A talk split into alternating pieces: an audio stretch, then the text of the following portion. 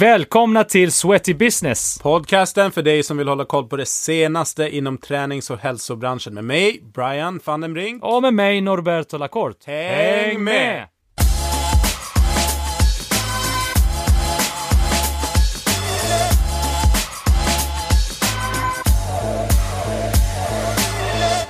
Dagens avsnitt presenterar vi i samarbete med Ljudbank som är Producenter, en ljudstudio som ligger på Söder Mälarstrand i Stockholm. Perfekt för dig som vill göra podd bland annat. Gå in på www.ljudbank.se för mer information.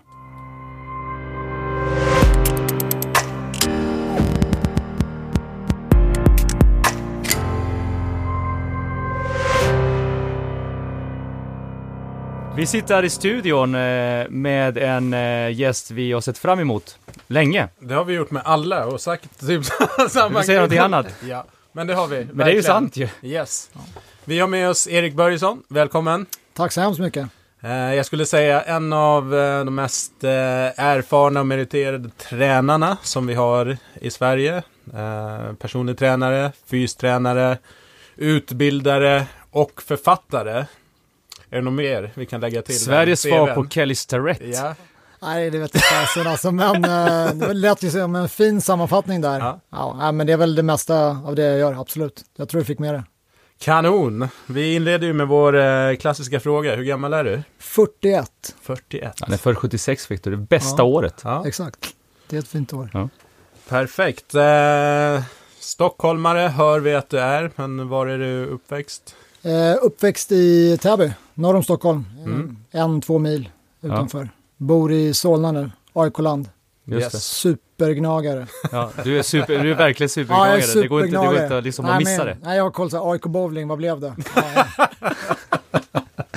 Lite så. Ja, exakt. Det blir AIK Basket dessutom. Ja, så att, eh, det är ju, det är fler och fler sporter. de gör det bra. Grymt. Har Har ehm, idrott varit en del av ditt liv Ja, hela, idrott hela vägen? eh, har varit, är och kommer vara en, en jättestor del av mitt liv. Eh, hållit på med, med de flesta sporter eh, sen barnsben och hockey var väl det jag höll på med längst då. Mm. Någon gång när man eh, sådär, kom upp och kände att eh, nu är jag vuxen och måste välja på att spela hockey eller att betala räkningar. Så det var då karriären på, på isen Det, det räckte inte att spela hockey för att betala räkningen eller? Inte när man spelar i division 1 i Stockholm, då, Nej. då är det en väldigt, väldigt låg eh, Det är en summa pengar lön. som kommer in på kontot. Jättejobbig nivå. Du tränar som eliten. men tränar spelar matcher som eliten, men du får betalt som en amatör i princip. Några tusenlappar på sin höjd kanske. Ja, det täcker ju mm, kanske bensinen någon Ja. månad det du får in på ett år. Så att, ja. Men det är jäkligt kul. Alltså det, man håller inte på med sport för att eh, tjäna pengar. Eller jag gör inte det i alla fall. Mm. Det var, Men var kommer det, var kommer det ifrån då? Så, kommer det hemifrån? Dina föräldrar, var de aktiva? ja, alltså, men inte, inte överdrivet, men eh, absolut, både mamma och pappa har väl hållit på med, med sport av olika slag och även längre tillbaka eh, morfar var, jag vet inte hur många Vasaloppet han har bränt av, men eh, de kan i alla fall inte räknas på två händer. Så att, jag vet inte, det, det finns väl liksom i, i, eh, i blodet och det är väl så att eh, ens föräldrar ger en liksom förutsättningar eller man kommer in på en bana eh, Mm. tack vare dem. Så att eh, jag får väl eh, tacka dem. För det, det känns som, idrotten känns som en bra, bra grund tycker jag Mm. att, att ha med sig. Cool. Det känns ändå som att du var ganska bra i skolan va? Alltså du hade, Läshuvud. ja, bra, bra elev. Eh, det, det beror nog på vilka, vilka lärare du frågar och under Ja. vilken period av mitt liv. Men eh, jag har väl ganska lätt för att lära och eh, tog väl skolan seriöst från och med årskurs 9 på gymnasiet kan man säga. Jag, Mm. jag hade nog några år som var småstökiga innan där när jag tyckte att det var roligare att göra annat. Men sen så fattade jag att eh, det, man måste växa upp någon gång och då, Mm. då läste jag lite och ja, det, jag har ganska lätt för det. Men satsade du på gymnasiet då, där i nian, du visste liksom att du ville, Jag visste att jag behövde få eh, en viss nivå på betygen då för att Ja. komma in på det jag ville komma in på. Så att jag läste upp till det och sen så i gymnasiet så... så vad var det då? Vad var det du ville komma in på? Nej, men jag, det var ingen speciell linje. Jag läste något samhällsvetenskapligt eller någon, Mm. något liknande, hette det väl på den tiden. Eh, Men sen på gymnasiet så där läste jag väl liksom helt okej okay för att kunna läsa vidare. Det är väl också något som jag är med mig hemifrån att uh, gå vidare och läsa på uh, högskolenivå. Så mm. att uh, där pluggade jag väl på helt okej. Okay. Mm. Så att jag kunde komma in på, på GH som blev nästa steg då på, på liksom den akademiska uh, karriärstegen. Precis. Just det, men uh, lite så här kortfattat och sammanfattat din uh, väg in i där du är idag, tränare, utbildare, eh, bland annat. Vägen, det börjar egentligen där på GH som var egentligen en slump. Eh, jag sökte massa andra linjer som eh, statsvetenskap och så vidare på, på, på universitetet men eh, kom in på GH på idrottslärarlinjen och tänkte att ja, jag gillar ju sport så varför inte. Så mm. att, eh, det var ju tre fantastiska år där. Mm. Eh, och de gav ju också möjligheten genom stipendier och så vidare att man kunde utbilda sig till, eh, jag fick väl två steg på min PT-utbildning samt en eh, okay. massageterapeututbildning genom GH. Och, och då bör, där började PT-karriären så att jag, jag gick väl, jag tror att det var den andra kullen i Sverige någonsin som utbildades till personliga tränare. Så man förstår att det, det är länge sedan, det var 96. Ja. Eh, All right. Och sen så, jag kände dock att, så här, att, att idrottsläraryrket redan på den tiden var ganska mycket så här, det handlade om att minimera kanske strulet i skolan istället för att utbilda människor. Och mm. jag kände att det var superkul en månad som man var ute och praktiserade på varje stadie. Men efter en månad var man ganska trött så att eh, jag jag eh, sökte mig vidare och läste vidare på Karolinska institutet då. Så du, du jobbade aldrig som, som Nej. gympalärare? Liksom? Nej. Nej. Jag, jag, min sista praktik gjorde jag på Lillsveds eh, idrottsfolkhögskola och där kände jag så här, ja men fastän jobba med vuxna människor, det som är där av egen vilja, mm. det är ju mm. superkul. Eh, så att det känner jag väl att det här kan jag göra, eh, det skulle jag kunna göra. Mm. Men eh, jag valde att läsa vidare och läste på KI då. Eh, fysiologi och lite idrottsmedicin och sådär. Mm. Och i den vevan så startade jag också ett företag med, med en eh, kursare där. Som, ja, friskvårdsföretag. Precis. Helt enkelt. Och samtidigt då började jag jobba som personlig tränare. Mm. Och på den banan är det egentligen. Du började ganska tidigt jag vad, vad började du jobba som PT? Jag började väl egentligen på Centralbadet så det är liksom jättelänge sedan. Eh, 2000, ja, två, jag skulle säga millennieskiftet där. Ja. Eh, jobbade något år på Sturebadet, flyttade ner till Kalmar, jobbade där nere på ett gym som heter Malkars och sen kom tillbaka mm -hmm. 2005 till Stockholm och började jobba på Sats då. Och där är jag kvar. Så att, mm. Jag har betat av några klienter. Ja, verkligen. Nej, men PT-yrke, vi ska gå in lite mer på det sen, men det är ju ett sånt här eh, popyrke just nu. Väldigt många som, som vill bli och utbilda sig inom eh, personlig tränare. Jag kommer ihåg när jag gick på gymnasiet så var det många skulle bli bartenders på slutet på 90-talet och nu ja. är det många som ska bli PTs. Men många som går in och går ut ur yrket. Hur, hur har det lyckats um, behålla glöden liksom, och hela tiden jobba vidare som PT? Supersvår fråga mm. att svara på. För mitt svar, jag, jag trodde jag skulle kunna svara passionen, att det var det som gjorde att jag kunde vara kvar. För att det är, på något sätt så är det ändå passionen för, för träning, för att hjälpa andra människor som gör att jag fortfarande liksom går till jobbet varje dag och känner att wow, äntligen måndag. Mm. Alltså jag har aldrig den här, äh, vad heter det, söndagsångest eller måndagsångest, ja, eller, jag vet inte. Och. Ångest alltså, det finns inte. Jag ser fram emot varje dag, på riktigt. Det, mm. alltså, det är lätt, jag tror att folk slänger sig med det, men på riktigt så tycker jag att det ska bli jäkligt kul att få gå till jobbet. Och, och få göra eh, det som jag känner att det här vill jag fortsätta göra. Mm. Eh, så att mm. jag tror, igen, alltså, jag har inget svar på varför jag hänger kvar, men jag gillar verkligen det jag gör. Ja. Eh, och jag försöker att utvecklas och bli bättre och det tror jag ändå är viktigt. Om att, att man, eh, jag tror att man måste hela tiden nå en utveckling och, och, och sträva högre eller längre eller någonstans för att inte eh, fastna i något ekorrhjul och, och bli less på det man gör. Mm. Alltså... Är det viktigare idag att vidareutbilda sig som PT än, än tidigare? Eh, det beror nog på dina ambitioner skulle jag säga egentligen. Du, du kan klara dig och jobba säkert hela livet med, med den grundutbildningen som, som en personlig tränare får genom ja, de skolor som finns. Men eh, jag, jag, skulle inte kunna se mig själv bara gå en utbildning och sen så liksom... Var nöjd. Och vara nöjd där. Mm. För det, det, det, finns så otroligt mycket mer att lära. Eh, så att det räcker, men jag skulle inte kunna leva så. Men du, du och jag, jag har ju haft förmånen att vara en kort stund i alla fall, kollega med dig. Eller vi har ja. ju varit kollegor länge, men vi har ju Absolut. jobbat tillsammans på samma anläggning under en kort stund. Då.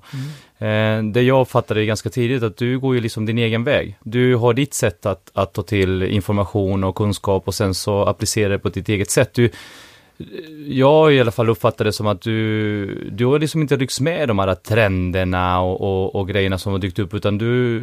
Nej, jag, jag har väl någon idé om vad jag tror är bra och jag tänker att min uppgift i, i min yrkesroll är att göra bra grejer. Mm. Och, och om inte...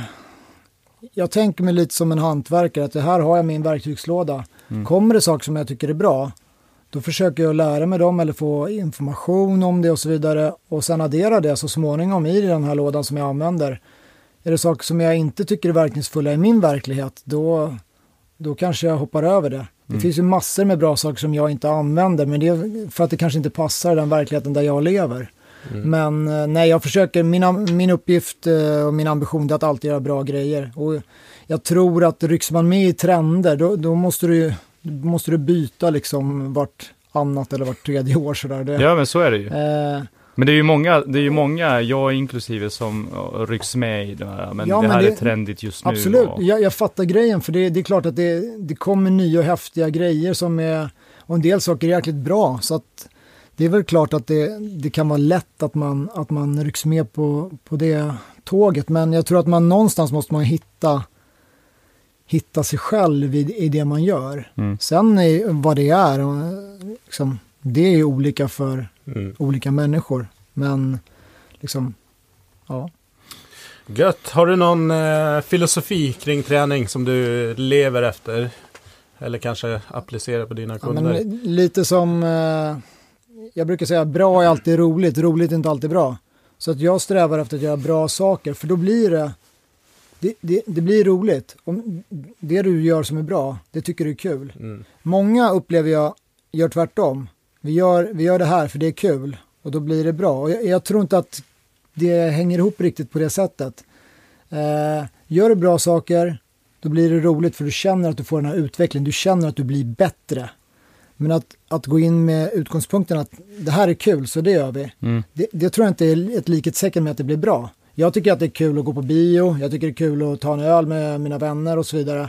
Men, men det tror jag inte lyfter mig så här jättelångt i, i träningsvärlden. Jag kanske får en mental liksom, boost, men ja. inte fysiskt så direkt. Så, så, så, du är inne, alltså kan man, lite grann det här snacket om att ge kunderna det de behöver och inte bara det de vill ha. Ja men absolut, det, det, det är en jättebra quote liksom, så att det är precis de två delarna behöver du få med. Mm. Men jag vill ju hitta rätt nivå där. Liksom, hur mycket behöver de och, och vad är det man ska ge dem? Liksom, jag tror att du får, inte, alltså, du får inte lyssna för mycket på kunden och dess önskemål i den aspekten om du förstår vad jag menar. Ja, för för då, det, då hade de lika gärna kunnat träna sig själva. Mm. Jag vill inte vara en tränare som står bredvid och räknar repetitioner och säger bra. Alltså, mm. Det är inte att vara en tränare för mig. Det är att vara en träningskompis. Mm. Och en träningskompis ska man inte betala. Alltså en, en tränare eller en coach, den är där för att utveckla dig. Och då måste man eh, göra både saker som man gillar och saker som man inte gillar, tror jag. Eh. Bra. Mm. Men tror du kraven på per, yrket personlig tränare förändras eh, nu? Att det kanske räckte med den här som stod bredvid och manade på och räknade reps till att faktiskt bli någon som ska hjälpa någon på någon slags resa? Ja, till viss del tror jag det är så. Alltså, sociala medier gör ju uh, att folk uh, i allmänhet tror jag har en högre kunskapsnivå idag. Eller i alla fall, de har sett mer mm. träning, de har testat fler uh, strategier, fler övningar, fler träningsformer. Så de kommer nog in med en högre grundnivå än, än man kanske hade tidigare där folk hade sprungit och mm. eventuellt hade lyft någon hantel eller skivstång. Sen tror jag att att eh, nödvändigtvis behöver det inte vara så att du behöver ha så mycket högre nivå som, som tränare idag än, än tillbaka i tiden för att träna gemene man. Det är jag inte jättesäker på, men eh, ska du träna lite mer avancerade då, då höjs ju kravbilden mm. direkt och ganska mycket. Häftigt. Har du, eh, vad ser du stora skillnader från när du började som personlig tränare till vad yrket är idag? Ja, men, ja, den stora skillnaden är nog egentligen i klientelet. Alltså när jag började, då fanns det, då var det väl D-Flex, Brad Bowes och Blossom var väl de PTs som, mm. som fanns. Ja, jag vet inte om det fanns några. Ja, men ja. Rich and Famous liksom, det, mm. det var lite så det var. Idag, är det, idag har ju alla en PT. En del kanske har en PT en gång om året, men, men väldigt, alla har ju såklart inte det, men väldigt många har idag en tränare mm. eller en coach eller någonsin som hjälper dem med träningen. Mm. Så att, så att eh, den största skillnaden är nog vilka som anlitar en tränare idag kontra hur det var liksom 2001. Då var det ju inte speciellt många alls. Nej.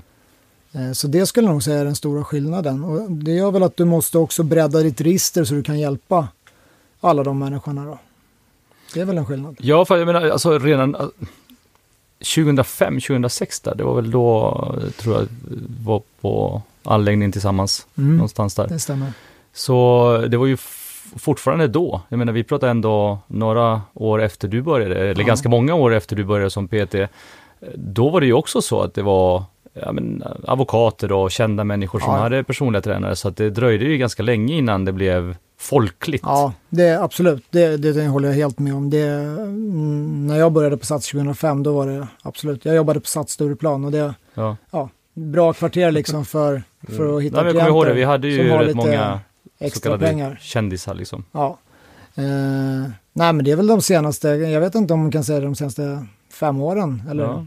Ja, men det, något, det något liknande som, mm. som det på något sätt har exploderat i, i eh, mm. liksom Ja, men jag tycker att det är bra att gå tillbaka, för jag tror att det är många som, eh, vi, speciellt vi som lever i den här bubblan, som jobbar med träning, vi, vi tror att alltså, det är svårt för oss att, men vadå, det har ju alltid varit så här, men det, det, det här har ju liksom, nuvarande status har ju inte varit så länge. Nej, det, det, är några år bara.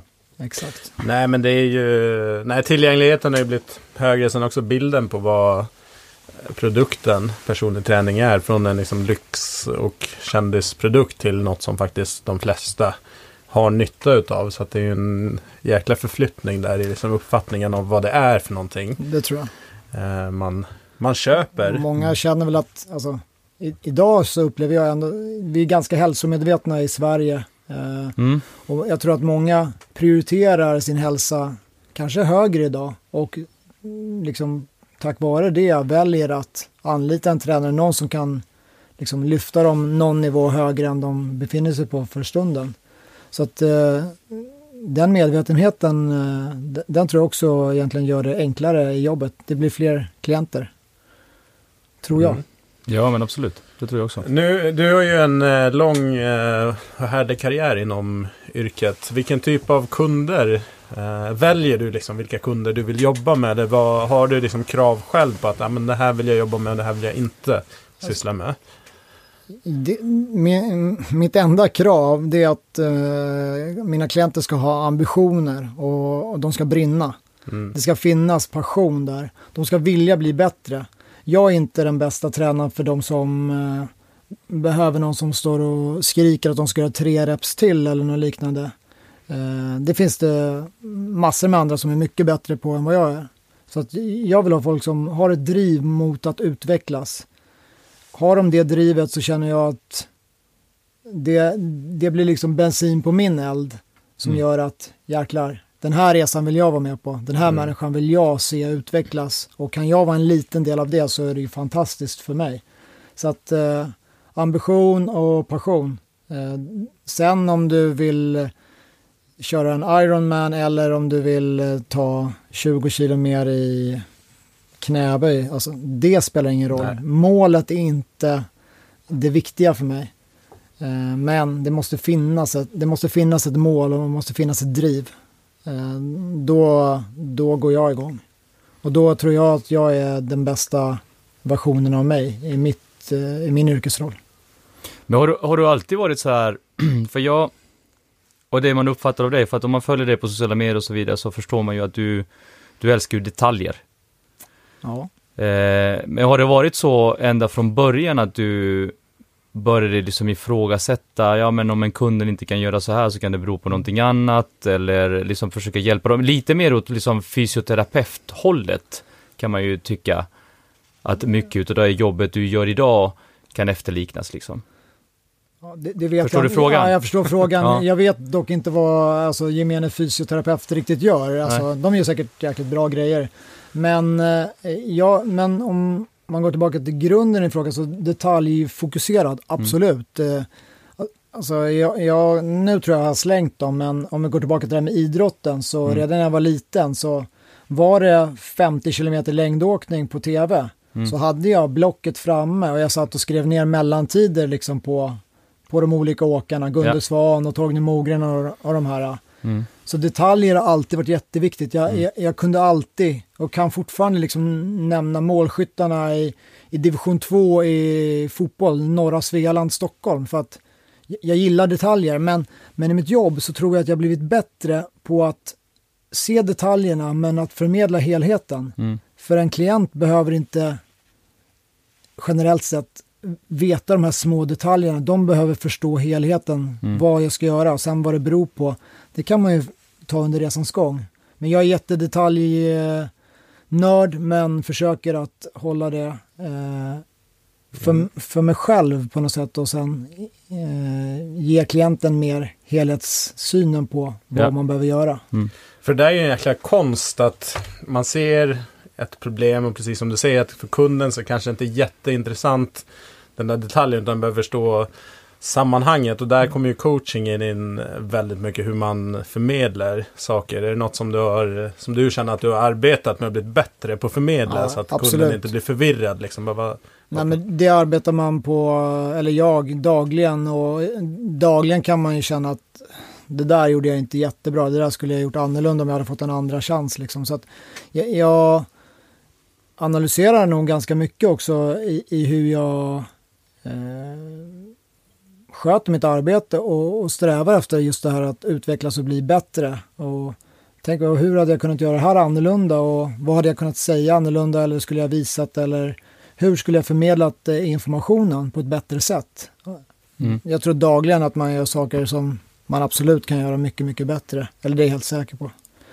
För att det, det är ju någonstans, det tror jag, om jag får säga vad jag tycker, så tror jag att det här som du pratar om, att göra det svåra enkla, för att liksom kunna förmedla det på ett enkelt sätt till din kund eller vem det nu är som är åhörare, så, så är det väl den egenskapen också som har drivit till att du idag jobbar som lärare, du utbildar andra tränare eh, och du är till och med författare. mm. Ja, Eh, ja.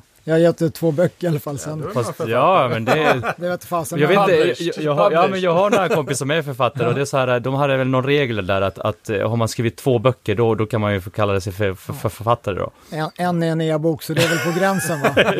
Halv, eh, halvt. Nej men det, jag menar att det Ja. finns ju som en Ja, pedagogisk absolut. ådra i dig som har vuxit fram. Ja, nej men och det, det bottnar kanske i det här med, med idrottslärarutbildningen, att där, med pedagogiken och, och en förståelse för hur man förmedlar saker och sen så förfinar man ju det för varje, varje dag och varje vecka, varje månad, varje år som går. Alltså, det, det jobbar jag jätte, jättemycket med. Hur ska jag förmedla det här på bästa sätt så att fler människor förstår mig, framförallt då i en utbildningssituation. Mm. Så att jag, jag läser väldigt mycket den typen av eh, litteratur också om, om just kommunikation och, och så vidare. Mm. Det, jag tror det är super, superviktigt. Jag tror det är nästan, eller ja, nej, jag tror att det är viktigare än att du kan en, en vinkel eller något liknande i en, Mm. en position i en övning. Alltså förmedlandet av, av den kompetens du har, det är ju det är kung och drottning.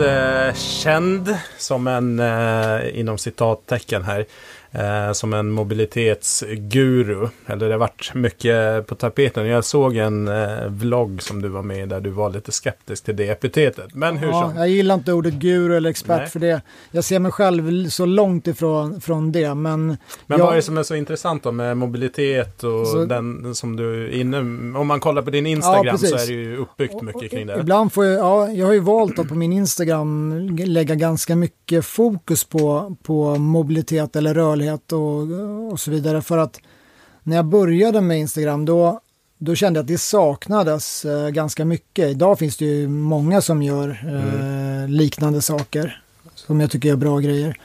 Eh, Så att idag har jag väl ett, ett bredare register där i Instagram och lägger ut mer grejer. Men jag har fått många frågor sådär att, jaha, tränar du eh, liksom styrka också? Bara, ja, jo, men det absolut, det gör jag. Bara för att jag inte lägger ut i sociala medier så innebär det inte att det inte existerar. Men eh, mobilitet som jag ser det, jag brukar ofta måla upp bilden av en pyramid. Det har, ja, jag har ju träffat er förut många gånger så att Ja. ni har säkert hört mig prata om Ja, det pyramiden. är många men- lyssnare som inte har hört det och det är väldigt bra. Ja, ja, men pyramiden är liksom en, en byggnad, den byggdes 2500 år före Kristus. Den har stått länge, den kommer stå fortsatt väldigt länge. Tack vare dess breda bas. Och en bred bas möjliggör också för en väldigt hög topp. Så att jag tycker det är superviktigt när det handlar om att eh, bygga en fysik, att, att bygga grunden och bygga den jätte, jätte, jättebred. Eh, och där i grunden så ingår mobilitet som en viktig del. Mobilitet, den andra sidan av myntet är stabilitet. Sen behöver man överföra det i rörelser, sen behöver man addera styrka och därefter kanske man börjar jobba med färdigheter eller övningar och så vidare. Men många idag, de, vill ju göra det omvända. De vill ju börja säga, jag vill lära mig att stå på händer. Det, det har ju varit trendigt, inte lika mycket nu, men om vi går tillbaka tre år, då skulle alla stå på händer. Ja, jag försöker fortfarande. Ja. Det går sådär. Du kanske började från fel riktning. Ja, jag börjar med toppen. Ja, nej men då börjar man att stå på händer. Istället för att man tittar, vad, vad är kravbilden för att stå på händer? Mm. Okej, man behöver kunna liksom eh, dorsalflektera handleden 90 grader, man behöver ha rörlighet, bröst, ja, hej och massor med saker. De flesta, de saknar eh, liksom förmågan att ens obelastat kunna då böja handleden i den position där man sen ska hålla uppe sin, hela sin kroppstyngd. Och, och, och att då förlita sig på att en vägg ska förhindra dig att du trillar över, det, det tror jag är fel väg att gå. Utan då, då kan jag säga så här, ja, men jag, jag ska absolut lära dig att stå på händer. Eh, men vi måste börja med eh, vi måste börja med att skapa en rörlighet i, i handleden, vi måste skapa en, en styrka och kontroll i, i mellanhanden och fingrarna, extension i bröstryggen, bålkontroll och så vidare och så vidare. När jag känner att vi har en nivå som är tillräckligt bra, då kommer vi börja med handstående. Och då börja med en, en, en, eh, en enkel eh, variant och sen progressivt göra det svårare och svårare och svårare tills de en vacker dag står fritt på händer. Ja. Eh, för jag, jag tror att bygga den basen, då kommer ens kapacitet bli så mycket bättre än att man försöker att komma undan med lutande tornet i Pisa då, som det blir om man gör omvänt. Mm.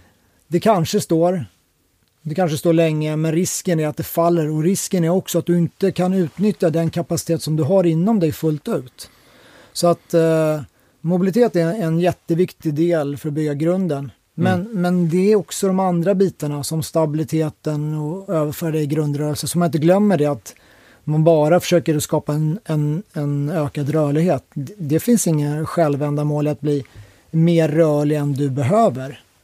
Eh, Hur tänk, hur tänk, för det här är ett jäkla intressant ämne. För jag kommer ihåg när jag gick PT-utbildning på, eller gick och när du var lärare där så pratade, jag kommer ihåg jag blev irriterad eller så här, bara in Och Erik? Nej, inte på Erik, nej men på resonemanget. Det var mer så att men, du har en kund som, som vill springa maraton eller vad du nu hade för liknelse. Men man märker att det finns en massa hinder och då sa du något i stil med att nej men jag skulle inte sätta, vi skulle ta bort löpningen i princip utan vi skulle börja bygga på andra grejer och sätta förutsättningarna för det.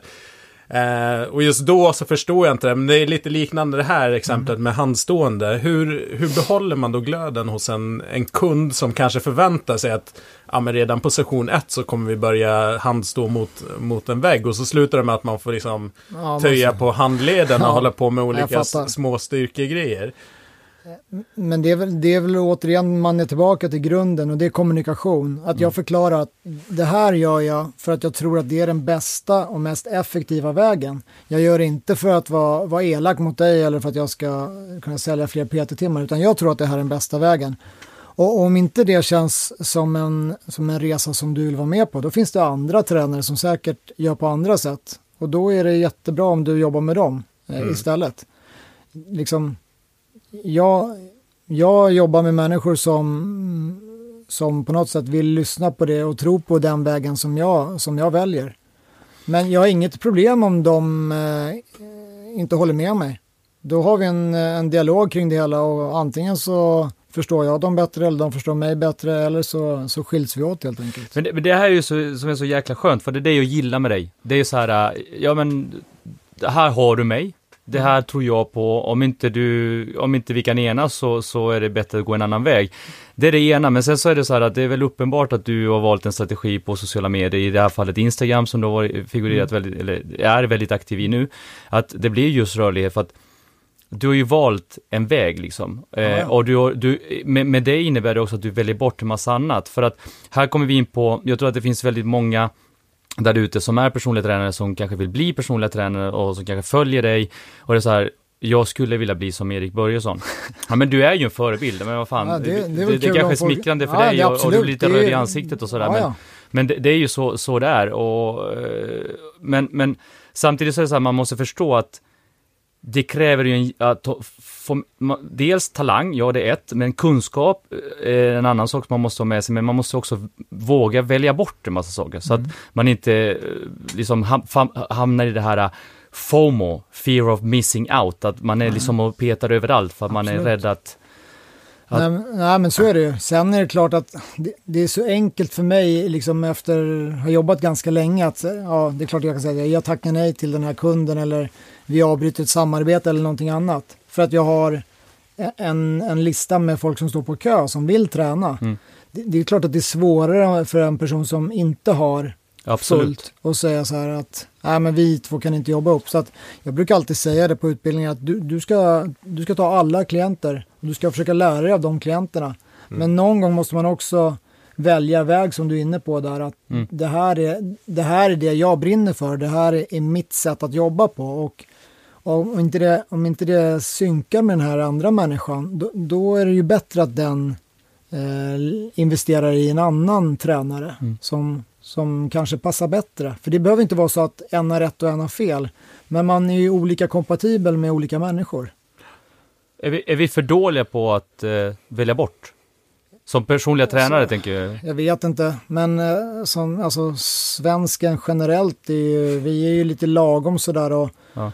Jo men nu har jag ju börjat jobba med den här tränaren så att då fortsätter jag gärna istället för att eh, liksom testa. Jag, jag, har en, jag har en klient till exempel, han, när han kom till, eh, till gymmet jag jobbar så, så sa han jag, jag tänker köpa 50 PT-timmar. Eh, men jag vill pröva de här fem olika tränarna och den som jag känner att jag synkar bäst med. Mm. Den kommer jag lägga de resterande timmarna på och sen kommer jag förhoppningsvis fortsätta. Så körde han med fem olika tränare och, och så, ja lyckligtvis för mig då så, så tyckte han att, att det jag förmedlade var, Du var okej. det var okej. eh, så att eh, vi har kört nu, vi är väl inne på vårt elfte år eller något sånt där. Så det, Jäklar, alltså. det är härligt, ja. Coolt. Men, men, men det tror jag att det, det är väldigt ovanligt. Ofta så, så är det ju någon på gymmet som ger dig, eh, den här tränaren ringer upp dig. Och så blir man Ja, liksom exakt. satt i det facket och det kanske inte alls är en bra match. Det vet man ju inte. Jag tycker nog att klienter kan vara lite hårdare och säga jag vill pröva de här tre tränarna. Ja, Mm. fine. Mm. Alltså om du investerar pengar så är det klart att du ska få kunna ha en rättighet, eller det har du ju såklart. Att Provköra innan. Ja, men lite så. Och våga säga så här, nej men jag upplever att våran, eh, vi passar kanske inte jättebra ihop. Så att superkul att vi har kört några gånger men jag ska testa någon annan. Ja, men det är bra. man man behöver inte, alltså, det, är in, det ska ju inte tas personligt heller. Nej. Alltså det är i yrkesrollen så, så passade inte den här stilen den människan. Nej. Alltså, ta det för vad det är. Du finns ju som eh, med i utbildningsteamet på Sports Club Education. Yes. Vad är grejen med eh, att utbilda andra? Vad är det som är så kul? Det, det, är väl lite samma sätt som det här med, eh, med klienter. Att se människor utvecklas och växa i, i en ny roll. Det, och få vara delaktig. På något sätt kunna liksom säga att jag var delaktig på den där resan. Det, det är mm. häftigt alltså. Det är, jag vet inte, det går inte riktigt att beskriva men, men eh, det är fantastiskt att få, att få vara liksom Mm. Kunna hjälpa någon lite, liten bit på vägen. Du är ju både på grundutbildningar till PT och sen finns det ju vidareutbildningar. Eh, kan du se, märker du redan på, eh, ja, men till exempel på en grundutbildning, kan du se liksom vilka som har potential att bli bra tränare som du tror kommer lyckas? Och överensstämmer det med hur det blir? Nu kanske inte du har möjlighet att följa upp alla, men jag antar att du har en bra tack känsla. Var, tack vare sociala medier så yeah. har man ändå en ganska bra bild av vilka som, som jobbar kvar i yrket och vilka som jobbar mycket och så vidare. Så att man har en bra bild. Men jag tror att man, man har en känsla för, man vet absolut den här människan kommer vara fantastisk. Den här människan eh, kanske inte är helt rätt idag där de befinner sig nu. Mm. Men eh, kan säkert ta sig vidare. Men jag tycker att man får en en bra känsla ganska tidigt för, för hur en människa i den här fasen i deras liv kommer att lyckas. Det tycker jag. Har du några så här... Um, men finns det några vanliga fel som folk som kommer in och som vill utbilda sig till PTS? Eh, att man kommer in med fel, eh, kanske syn på saker och ting eller kanske naiv kring vissa saker. Ja, det, det är väl lite det du är inne på i så fall. Eh, att kanske man har en, en felaktig bild av, av jobbet. Att man tror att det är glass och ballong eh, liksom, alla dagar i veckan. Det, är, mm. det är precis som alla andra jobb. Glass och ballong. ja, grymt, grymt uttryck. Ja. Glass och ballong. Det. jo, men det är inte glass och ballong att vara PT. Det är, liksom, det är speciellt som ny. Tidiga morgnar, sena kvällar mm. och en jäkla massa dödtid däremellan. Det, mm. det är att vara ny tränare, lite betalt. Ja. Eh, och det tror jag inte att alla förstår. Eh, att man, jaha, får jag bara betalt när jag har en klient? Mm. Ja, okej. Okay. Och i början så har du ju noll klienter. Mm. mm. Och det är, det är jäkligt tufft eh, alltså att ha noll klienter då och sen så kommer räkningarna som ska betalas. Mm. Så att den, och få, och få den ekvationen att gå ihop och få den att gå ihop snabbt. För det, mm. det alltså, jag tror att gemene man inte har en stor hög med pengar i madrassen som de bara öser ur, utan man behöver ju liksom få in pengar för att betala eh, sitt liv. Eh, det, det tror jag inte alla är medvetna om. Det kanske inte förmedlas tillräckligt starkt att det är hårt, hårt jäkla slit. Mm. Det kanske blir, eh, eller det kanske blir, men det är väl också vår uppgift att se till att upplysa om just eh, därför vi håller på med det, det vi ja. gör och, och sådär. Och det är, ju, det är ju bra att det kommer fram, för att som Absolut. sagt, det, det behöver understrykas. Vi försöker ju såklart på utbildningen att, att förmedla det. Jag tror ändå att det är lite sådär, eh, det, man förstår det när man kommer ut ja, först. Det, det, är jättesvårt när någon står där framme mm. som är 41 och jag själv är 19 och så säger de att ja, ja. Det, är, det är så här det funkar på de flesta ställen. Det är lite grann som när mamma och pappa säger någonting när man är ung och så här, ja men... du vet att det kommer bli så här, så man, alltså men skit ju i det. Ja. Alltså, jo, det, absolut. Men först när man blir 35-40 då är det så här, åh oh, just det, det blev precis som mamma och pappa de sa. Hade rätt. de hade rätt. Jo, men det är därför man alltid så här, fan, man skulle, det här skulle jag vetat när jag var ung. Ja, men du visste nog när jag var ung, men du sket i det. Ja. Eh, alltså, jag håller med. Men eh, det blir ett litet wake-up call då. Eh, jag, tro, jag tror att det är svårt i den varianten på utbildningen som har idag. Ja. Om man hade haft utbildningar som såg ut så som att du gick ut och praktiserade eh, ute på i, i verkligheten mm. mitt i utbildningen, då hade folk förstått det bättre. Men eh, så ser de inte ut idag. Det kanske ser ut så i framtiden. Mm. Vad vet jag? Be, med, vad, vad behöver man för skills eller vad, vad saknar vi för skills? Nej, snarare så här, vad, vad, behöver en personlig tränare ha för skills idag förutom att vara duktig på att träna andra? Liksom? Ja, det är enkelt. Du behöver en grej. Vi brukar säga det på Sportslab, du behöver vara CMP, Certified Nice Person. Du mm. behöver vara en bra människa. Det är liksom, det är steg ett. Är du det så kommer du absolut att lyckas. Mm. Folk vill umgås med bra, sköna människor. Mm. Så, så det är steg ett. Hur mycket träning du än kan, folk skiter i det innan de förstår att den här människan bryr sig om mig. Då är det viktigt, hur mycket kan den här människan? Men steg ett är Genuint intresserad av andra Absolut, människor. det är absolut steg ett. Och det, det är liksom svårt, det, det är inte det man fokuserar som mest på på en PT-utbildningen. Man fokuserar på, på, på vinklar och positioner och övningar och, och träningsformer och så vidare. Eh, och sen försöker man ändå liksom förmedla att du måste också vara en jäkligt bra människa och bry dig om andra. Det är på riktigt. Bra Så- tips. Jättebra. Du är fystränare för AIKs innebandy. Och eh, du är gammal hockeylirare, jag är gammal hockeylirare. Bilden av innebandyspelare var inte fysmonster direkt, Nej. back in the days. Eh, berätta lite grann om vad gör du för någonting och hur ser det ut liksom med fysdelen i innebandyn då, som du verkar i? Eh, jag är inne på femte säsongen med, med AIKs herrar. Då. Eh, hade, jag hade ett par år innan med AIK fotboll också, så jag har en ganska bra sådär, eh, förståelse för, för AIK? de två. Ja, AIK, absolut. ja, men ni har ju tråden, det är liksom svart och gult. Men eh, jag har en ganska bra bild av, av sporten och vad som krävs. Så jag, jag förstår din bild av att innebandyspelare, på, när du och jag spelade hockey, då var det ju misslyckade hockeyspelare som Ja. började, gick efter Någon som innebandy. inte kunde åka skridskor. Ja, så var bilden. Eh, Men jag, jag säger, kom ner på en träning så ska du nog få beställa ett par grillade med, med bröd liksom, när du sitter på läktaren. Det- eh, Men innebandyspelare är, fantastiskt kvicka. Det, det är deras skill nummer ett. Otroligt kvicka. Du, du har inte en chans att hänga med. Eh, inte en chans. Nej. Alltså, jag, jag lovar. Eh, sen kanske de inte är, de är inte de starkaste, de är inte de rörligaste, de är inte de mest uthålliga. Eh, för att sporten kräver inte det, Nej. utan de kräver att du ska vara eh, kvick, du ska vara skicklig med eh, i både tanke och i händer Mm. och i fötter. Så att det är liksom där de stora skillsen ligger. Sen behöver fysträningen läggs upp på så sätt så att det, det viktigaste som fystränare det är att du kan sätta ut alla dina spelare på matchdag. Det är det enda du behöver fokusera på. Håll dem skadefria, det, det är liksom regel nummer ett, alla dagar i veckan. Om, om eh, huvudtränaren kan välja på alla spelare, då har vi en större chans att vinna matchen än om det sitter fem stycken skadade på läktaren. Mm. Så att träningen som läggs upp i övrigt, den görs ju för att alla ska kunna vara med på matchdag. Mm.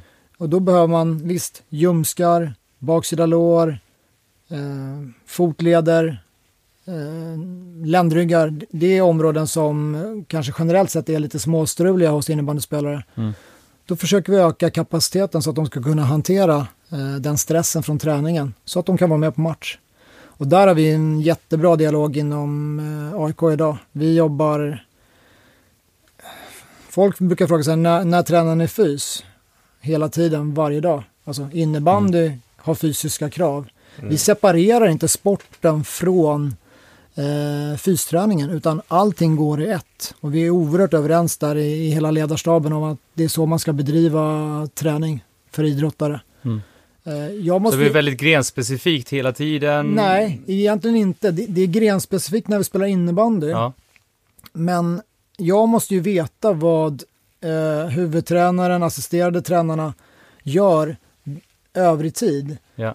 För att det ska synka med det jag gör och de behöver veta vad jag gör. Alltså, jag är delaktig så, så mycket jag bara kan. Eh, huvudtränaren är där på alla träningspass oavsett om det är fysträning eller om det är Mm. innebandy. Vi behöver ha en stor förståelse för de olika delarna. Men det är inte så att vi, vi, går, vi går in i gymmet och så försöker vi skjuta slagskott eh, efterliknande någon sån rörelse i gymmet. Det, det tror inte jag alls på. Eh, Ja, men det är intressant, för det är nog många som, som tror att det är precis så det ska vara. det, det är en del som jobbar så och Mm. jag säger inte att de har fel men jag tror inte att det är den bästa vägen. Eh, jag, gör, jag gör saker som jag tror lyfter deras spel och eh, också balanserar upp deras liv. För mina spelare, de är ju inte heltidsproffs. De Nej. lever inte sin idrott utan alla har heltidsjobb eller, eller studerar. Så jag måste ju också ta hänsyn till hur ser deras liv ut i övrigt? Vad finns det för stress där som kan påverka deras fysik? Det måste jag ju veta. Mm. Eh, hade, de, hade jag haft dem tillgängliga åtta timmar varje dag och kunnat veta det mesta, Då, hade jag kunnat, då kanske jag hade gjort på ett annat sätt. Men nu måste jag balansera upp kravbilden efter Bra. den här spelaren har det här jobbet, eh, brevbärare, okej. Han har cyklat tre mil innan han Ja. kom till träningen. Eh, sk- ska han köra mer cykel eller ska vi göra någonting annat? Den här, den här eh, spelaren har de här kraven och så vidare. Jag Mm. tror att det är superviktigt att man ser helheten hos varje individ och det är ju såklart tufft med Jättejobb. 25 spelare. Sådär. Ja, för det där är superintressant. Att jobba som personlig tränare på ett gym där du jobbar med en person eller kanske en liten grupp i vissa fall. Till att ha en hel trupp. Hur pass, hur pass mycket kan du dela upp truppen i individer eller grupper beroende på vad man har för roll och sådär. Hur jobbar du med det? Jag, ser alltid till, eh, till individen så att alla mina spelare har individuella program som de kan arbeta efter. Eh, sen så är det klart att stora delar, så här, innebandyns krav är det här Mm. och din position är det här. Så du kommer behöva göra de här sakerna. Så att det behöver, bara för att man har ett individuellt program och ett upplägg så behöver det inte skilja mil till nästa spelare. Det kan göra det, men kravet i sporten är ju ändå eh, mer eller mindre detsamma för, för de flesta. Mm. Om vi bortser från målvakt. Målvakt, och precis, så det skiljer sig Det, är- lite. det är lite skillnad såklart. Eh, så att eh, framförallt så är det ju den här, eh, vad ska vi kalla det, Mm, uppbyggande träningen eller skadeförebyggande träningen. Det är där det skiljer sig mycket. Den här spelaren har struliga ljumskar, den här personen har ett problem med baksida lår och så vidare. Det är där de stora differenserna sker. Sen när det handlar om vilka löpintervaller vi gör eller vilken eh, snabbhetsbana vi springer, eh, då är det mycket, mycket mer som är lika. Mm. Eh, så att, för att skapa förutsättningar, se, försöka se de här personerna som, som pyramiden då. Försöka bygga varje bas så bred som möjligt med att skapa en förutsättning för innebandyn.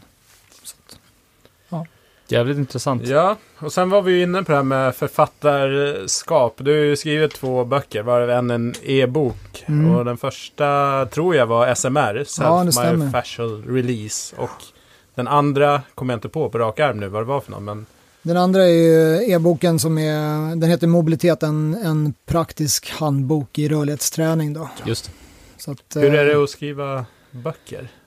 Det är utvecklande för dig själv. Du behöver eh, fokusera väldigt mycket på hur du, försöker, hur du kommunicerar och hur du förmedlar ett budskap. Det är kanske svårare än, än jag trodde i alla fall första gången. Sen andra gången visste jag att det, det är inte bara att sätta sig vid datorn och skriva och sådär. Mm. Ehm, men det är jäkligt kul också. Du lär dig otroligt mycket Mm. eh, av, det, av det hela. Just det här med som vi var inne på förut, att förenkla saker. Mm. Eh, det lär du otroligt... Eh, Svårt att tjäna mycket. cash på böcker. Ja, det, du tjänar inga pengar alls Nej. på böcker. Så, alltså, jo, om du är liksom någon av de här megaförfattarna så... Camilla Läckberg. Camilla Läckberg drar nog in lite kosing, Mm. men eh, Erik Börjesson drar in väldigt lite kosing. Nej men det är, det är bra, jag, jag tog upp det bara för att jag tror att återigen, det finns massor Ja. med sådana här bild av att ja men åh, den har skrivit en bok nu så nu, nu kan liksom man luta sig tillbaka Camilla Läckberg har säkert sig. ett bättre avtal än vad jag har, men generellt förlagsavtal är din procent eh, som du får av Mm. eh, kakan är ganska mycket mindre än vad folk eh, kanske har en bild av. Mm. Eh, men eh, återigen, jag, jag gör inte alls för pengar överhuvudtaget. Jag gör det för att det är utvecklande för mig själv och, och på något sätt också f- ge mig en chans att förmedla saker till andra som de kan ha nytta av. Och igen, få med på någon annans resa, kanske, kanske hjälpa någon lite, lite, lite Mm. tack vare det. Men det, det är svårt. Det svåraste med, med, att, eh, med böcker det är att få någon som vill ge ut den. Att Mm. skriva en bok, det kan alla göra, men att få någon som Mm. tror på idén och, och vill ge ut den, det, är- det är mycket svårare. Det, det är många timmar eh, där i möten och så vidare och försöka att eh, tala för sin sak. Mm.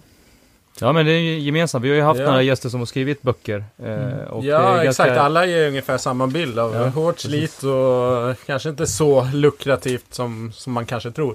Men eh, vi får ju, det är ju många som, som är entreprenörer eller liksom aspirerande entreprenörer som lyssnar på oss. Vad har du för tips till de som vill kanske har en grund som PT eller grupptränare eller vad det nu kan vara för någonting men som vill kanske ta steget vidare. Du har ju utbildningar och det är böcker och, och sånt. Har du något tips liksom för att... Jag skulle väl säga kanske så här att man, man ska vara ihärdig men inte irriterande. Alltså man, man måste, ja, det, det, är en jävla tunn, det är en tunn linje däremellan. Ja. Men jag, jag, tror på riktigt att det är så. Ja. Att det, finns så det finns så många idag som är duktiga och kan saker och, och vill förmedla det. Så det handlar mycket om att känna rätt personer, hur trist det än är. Så mm. är det, är en stor fördel om du känner... Nätverk. Ja, nätverkande. Men sen att man är ihärdig och, och ligger på och talar om att det här kan jag bidra med till, till den verksamheten som ni har. Mm. Mm. Men det får inte bli för mycket så att, så att personen i fråga känner så här att nu har jag fått mail av den här personen tusen gånger. Alltså, när ska den sluta? Mm. Det, det, kommer inte hända. Alltså, så det var på gränsen när vi ville ha med dig i podden? Nej, det, det tackade jag direkt. det första mejlet flög ut i nätet. För det var, ja, exakt. De, den försvann. Och så tänkte jag bara, Erik han cyber... har bra koll på grejerna. Så tänkte jag, han måste vara bortrest eller sjuk eller någonting. Ja, jag, jag brukar säga att jag är ja, bäst i världen på återkoppling. Ja. Så att, eh, ja, ja, men vi fick ju kontakt. Samma dag. Ja. Eh. Nej, men, men jag tror på riktigt att det, det är där måste börja. Och om jag går tillbaka till min resa så så jag vet inte hur många sådana här gratisföreläsningar man, man körde på gymmet. Eller jag mm. körde på gymmet. Det var liksom... Man... Ja, men vi snackade ju lite grann om det här innan vi, vi satte igång och, och, och verkligen liksom startade igång den här podd, det här poddavsnittet. Och vi snackade ju om det här att jobba gratis. Mm. Men det måste ju finnas en strategi bakom varför man gör saker och ting. Absolut, så, så är det. Man måste ju se liksom, om man har en plan som du säger, om man har strategin där. Jag gör det här för jag tror att det kan leda till det här och det här och det här. Men jag började med, jag började med gratisföreläsningar på gymmet som, som typ de flesta någon gång har gjort någonting mm. av. Därifrån så var det någon som plockade upp eh, någon som överlade och sa, ja men du kan, ska du vara med på det här? Och så liksom rullade snöbollen vidare mm. därefter. Ja, jag minns det. Du hade, du hade föreläsningar i, i gruppträningssalen ja, med, med bara sådana här blädderblock och så hade ja, du valt ett ämne. Och... Exakt. Kanon. Jo, det är jo, asbra med blädderblock. Ja, ja men alltså det är jättebra att kunna att, att förmedla det på olika sätt. Mm. Både liksom då att verbalt genom talet men också en del är ju väldigt duktiga på visuellt ta in saker. Så att kan man måla en bild samtidigt då, blädderblock eller Absolut. en whiteboard så är det ju supereffektivt. Mm. Eh, men, men det är mitt, alltså var ihärdig men inte irriterande. Och vad det är, det är däremot mycket, Nej, mycket men det är en bra beskrivning, ja. jag, jag gillar det. Jag gillar det. Just det, innan jag glömmer det. Du har ju faktiskt eh, konceptutvecklare på ditt eh, CV också. Ja, eh, det stämmer. AMP. Ja, Athletic det... Movement Performance. Som jag är faktiskt ja. instruktör i. Inte aktiv eh, längre. Men du kan snart bli igen. Det kan jag säkert bli. Vad, ja. Ähm, ja, jättebra träningskoncept, verkligen. Äh, för er som inte har testat. Förklara lite grann vad det är. Ja, men AMP då som vi kallar det, det är ett koncept som jag och Linus Johansson som, som ni har haft med här tidigare. Yes, som ja. jag tror att många... Friskgymnasten. Ja, friskgymnasten. Mm. Fantastisk människa. Så att uh, han och jag, vi kände väl att vi var lika men helt olika. Den, mm. den gode och den onde liksom. Det, vem är den onde ja, vem är den gode? Det, det, det, tror jag att folk snart kan... har, man, har man träffat oss två så förstår man vem som är vem. Men sen, eh, de som inte, de, vi ska inte ge folk förutfattade meningar, man får skapa en egen bild. Men eh, vi kände att vi, vi tänker ganska lika kring träning, men vi kompletterar varandra väldigt bra. Så att vi slog väl våra huvuden ihop och tänkte att vi vi försöker göra ett gruppträningskoncept. Mm. Skapade AMP, eh, sålde in det till Sats då, där det har gått i två år. Mm. Eh, vårt samarbete med Sats slutar nu årsskiftet 2017 så att eh, det kommer att presenteras eh, i en lite ny form från 2018 då, där många, många fler har möjlighet att ta del av det mm. om intresse finns, vill säga. Har, de, har det varit ex exklusivt? Ja, då, det har varit Sats? exklusivt för mm. Sats. Eh, det är oftast då i alla fall en period. Ja. Eh, ja, verkligen. In och vad kan man... Uh, man kan kolla på amp40.com till exempel. Annars mm. så kan man uh, söka upp Linus eller mig i sociala medier. Och sen så kan vi... Bara tillägga, alltså, jag vet inte om vi sa det, men det är alltså en gruppträningskoncept. Ja, det är ett, exakt. Det är ett gruppträningskoncept som vi brukar säga att det bygger vardagsatleter. Mm. Ja eh, göra det ovanliga till, till ditt vanliga. Eh, så att nu är det inte lika konstigt som en del tänkte i början. Vi var i Norge och presenterade det här och det var väl så här ramaskri.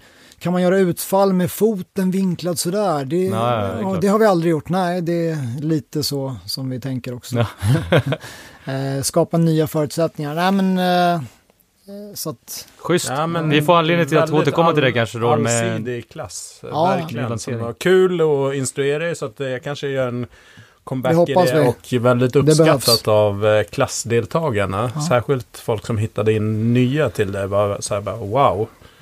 det, det är ju en svårighet med gruppträning. Det är att få in liksom män i gruppträning. Mm. Så det var ju också någonting som vi försökte. Eh, ja, vet inte riktigt, hur- det slog väl inte så bra där heller. Kvinnor är mycket, mycket bättre att gå på Ja. gruppträning. Killar kan själv, tänker Ja, de. ja, precis. Nu är det li- lite lättare. Jag med, vi har ju snackat rätt mycket om det, men, men eh, Crossfit är ju gruppträning. Ja, Så att, absolut. så att det har bidragit en del till att, att eh, killar vågar sig in lite mer.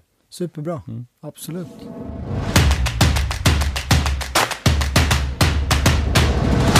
Bra, vi är framme vid sex snabba. De sista Jäklar. frågorna. Nu gäller det. Eh, skjut! Ja, det är precis. Det är nu det gäller. Det är nu det gäller. Eh, en app som du använder asmycket. Du får inte svara Instagram. Jäklar, för det är den jag använder mest. Så du får ta nummer två. Ja, nummer två, Fit for Living. Där, du ser. Det är ju min egna app. Så att jag gör Okej. lite så här smygreklam. Fit for Living är ju Producent också. världens bästa app för, för tränare och terapeuter. Det underlättar arbetet när du inte är med klient. Mhm. Det är, ja, du, du, det är en övningsbank, eh, du för statistik, du skick, vi har videoklipp på, för stunden kanske det är två eller tre tusen övningar som hela tiden uppdateras. Så att du snabbt kan skicka över dina program till klienten och Okej. de har Så det är så webbaserad, webbaserad plattform för dig som jobbar som tränare? app enbart. App, sorry. Ja. Just nu så finns den bara till iOS då, utan den kommer till Android eh, om eh, några månader. Fit for living. Fit Ja, for living. tips. Yes. Härligt. Ett eh, projekt som du är nöjd med, som lyckades. Ja, jag, jag fick ju mm, frågorna innan här och jag har funderat stenhårt på det här. Eh, men har nog inte något så här att wow, det här är liksom den stora grejen, utan något så här tråkigt svar, utan eh, jag tror att liksom jag är nöjd med, med min resa hit och vad jag har fått vara med om och vad jag har fått eh, de människor jag har fått träffa, det, det är liksom Mm. att, att välja ut en grej. Nej, jag, jag kan inte göra det, så att eh, sorry, men eh, Nej men hela projektet, Erik Ja, men- Börjesson, ja, precis. Liksom, Min- resan. yrkesroll eh, och, och från liksom ja, 99 till idag. Mm. Den resan är på något sätt, det är ett projekt som fortsätter så att jag hoppas att det, det Coolt. Fortsätter att bli bra. blir ännu bättre. Ja, nej, tvärtom då. Ja. Ett eh, misslyckat projekt, eh, mindre bra. misslyckad. pro- Det är samma där, jag, jag har inte heller något så här, något specifikt så att det här eh, blev inte bra. Eh, snarare så försöker jag liksom att varje dag tror jag jag gör saker som jag kan göra bättre. Mm. Och jag ser det mer så. Sen har jag såklart massa saker. Ja, men, eh, AMP till exempel, varför funkade det inte i Norge? Det är, ju- det är ett jäkla misslyckande. Mm. Eh, vad kunde gjort bättre där? Så att mm, jag tror så här, mm, en daglig analys av vad jag kan göra bättre, men visst, AMP i Norge, det var ingen succé. Okej, Eh, ja men det är bra. Det är Ja. fler som har gått bet i Ja. de andra länderna. Ja. Eh, vem är den mäktigaste inom citattecken personen i ditt nätverk eller telefonbok som du kan kontakta hyfsat smidigt? On speed dial. On speed dial, ja men alltså om man, håller man sig till träningsvärlden och till, eh, till idrottsvärlden, fotboll och innebandy så, så kan, har jag väl liksom eh, förbundskaptener, eh, sportchefer i, eh, på allsvensk nivå, många, många spelare i, i fotbollsallsvenskan och Mm. proffs i Europa. Liksom, ja, om det är mäktigt eller inte, eller om de är mäktiga, men det är väl liksom de som har flest människor känner till i alla fall. Eh, så att eh, jag säger väl någon, någon av dem. Jävligt enkelt. bra nätverk att ha om inte annat. Jättebra, absolut. Nätverkande är fantastiskt. Ja, En person, en person som du ser upp till eller haft som förebild? Oh. Super, super många. Alltså fantastiskt många. Eh, jag, har, jag har inte en person som är en förebild utan jag, jag har mängder med människor där jag försöker att lära mig av, av, alla men liksom, det är klart att jag kan inte förneka att Mike Boyle, amerikansk fystränare, har, har inspirerat mig massor. Dan John på samma sätt. Eh, det är liksom två stora inspirationskällor mm. men, men, men återigen, alla de människor man möter på utbildningar där försöker jag också att ta till mig och, och, se vad gör den här människan, varför är den framgångsrik, vad kan jag sno av det den gör. Mm. Eh, och, och, så att, Har du någon svensk tränare? Som, ja, men, som... Eh, Håkan Andersson, mm. eh, sprintcoach på Instagram. Håkan Andersson, sprinters, eh, alltså den mannen och hans kunskap inom det ämnet, är oslagbart. Det bra grejer. Ja, bra skit. Mm. Härligt. Och slutligen, eh, en trend som du tror kommer framöver inom träning? Jag tror så här, att det här funderade jag på hårt. Eh, och, ing, jag har en, så här, inte kanske något specifikt att den här träningsformen eller någonting, men däremot tror jag att företag kommer att anlita tränare. De, jag tror att företag kommer att anställa tränare mm. på 50 eller 100 procent istället för att lägga en massa pengar på ett gymkort som aldrig används. Så tror jag att de kommer ha en tränare som kommer till arbetsplatsen. Det kanske finns, eller förhoppningsvis finns det ett byggt mm. gym där. Man spar tid, man spar pengar, man får en effektivare träning för varje individ. Mm. Det är helt säker på att eh, fler företag kommer att investera i det. Det finns mm. ett på företag som har anställt sportchefer som de kallar det faktiskt. Ja, Så att, ja, ja, eh, inte absolut. helt fel eh, spaning. Nej, absolut. Jag håller med. Eh, någon person som du skulle vilja själv lyssna på i just det här sammanhanget, träning och eh, affärer? Eh, jag tänkte att ni skulle kunna prata med, med en gammal vän till mig och grundare av det företaget som vi startade då 2000, eller 2001. Fredrik Karlsson som är vd och grundare av Twitch. Mm. Just det. Friskvårdsföretag. Eh, och se den resan och hur företagsfriskvården har utvecklats de senaste 15-20 åren. Eh, mm. Det skulle jag tycka var jäkligt intressant. Sen skulle jag också tycka, om jag ska nämna en tjej, så tycker jag ni skulle prata med Patricia Strenius. Ja. Just det. Hennes resa mot OS i Tokyo. Mm. Hur, hur man som eh, elitaktiv i en liten sport få det att funka med att eh, ha ett heltidsjobb och ändå tävla med andra som, som, som, har, spo- som har, sporten som heltidsyrke. Eh, ja. den resan är också häftig liksom att, att ta del av, så det skulle jag också tycka var jäkligt intressant. Coolt! Kanon! Om man vill eh, komma i kontakt med dig eller följa dig, vart gör man det enklast? Ja, men Instagram är ju absolut enklast och där heter jag erik.borgesson. Eh, ja. Så att det, mm. kolla upp det. Ja. Kanon! Stort tack! Super! Tusen tack. tack för att du var med! Jättetack!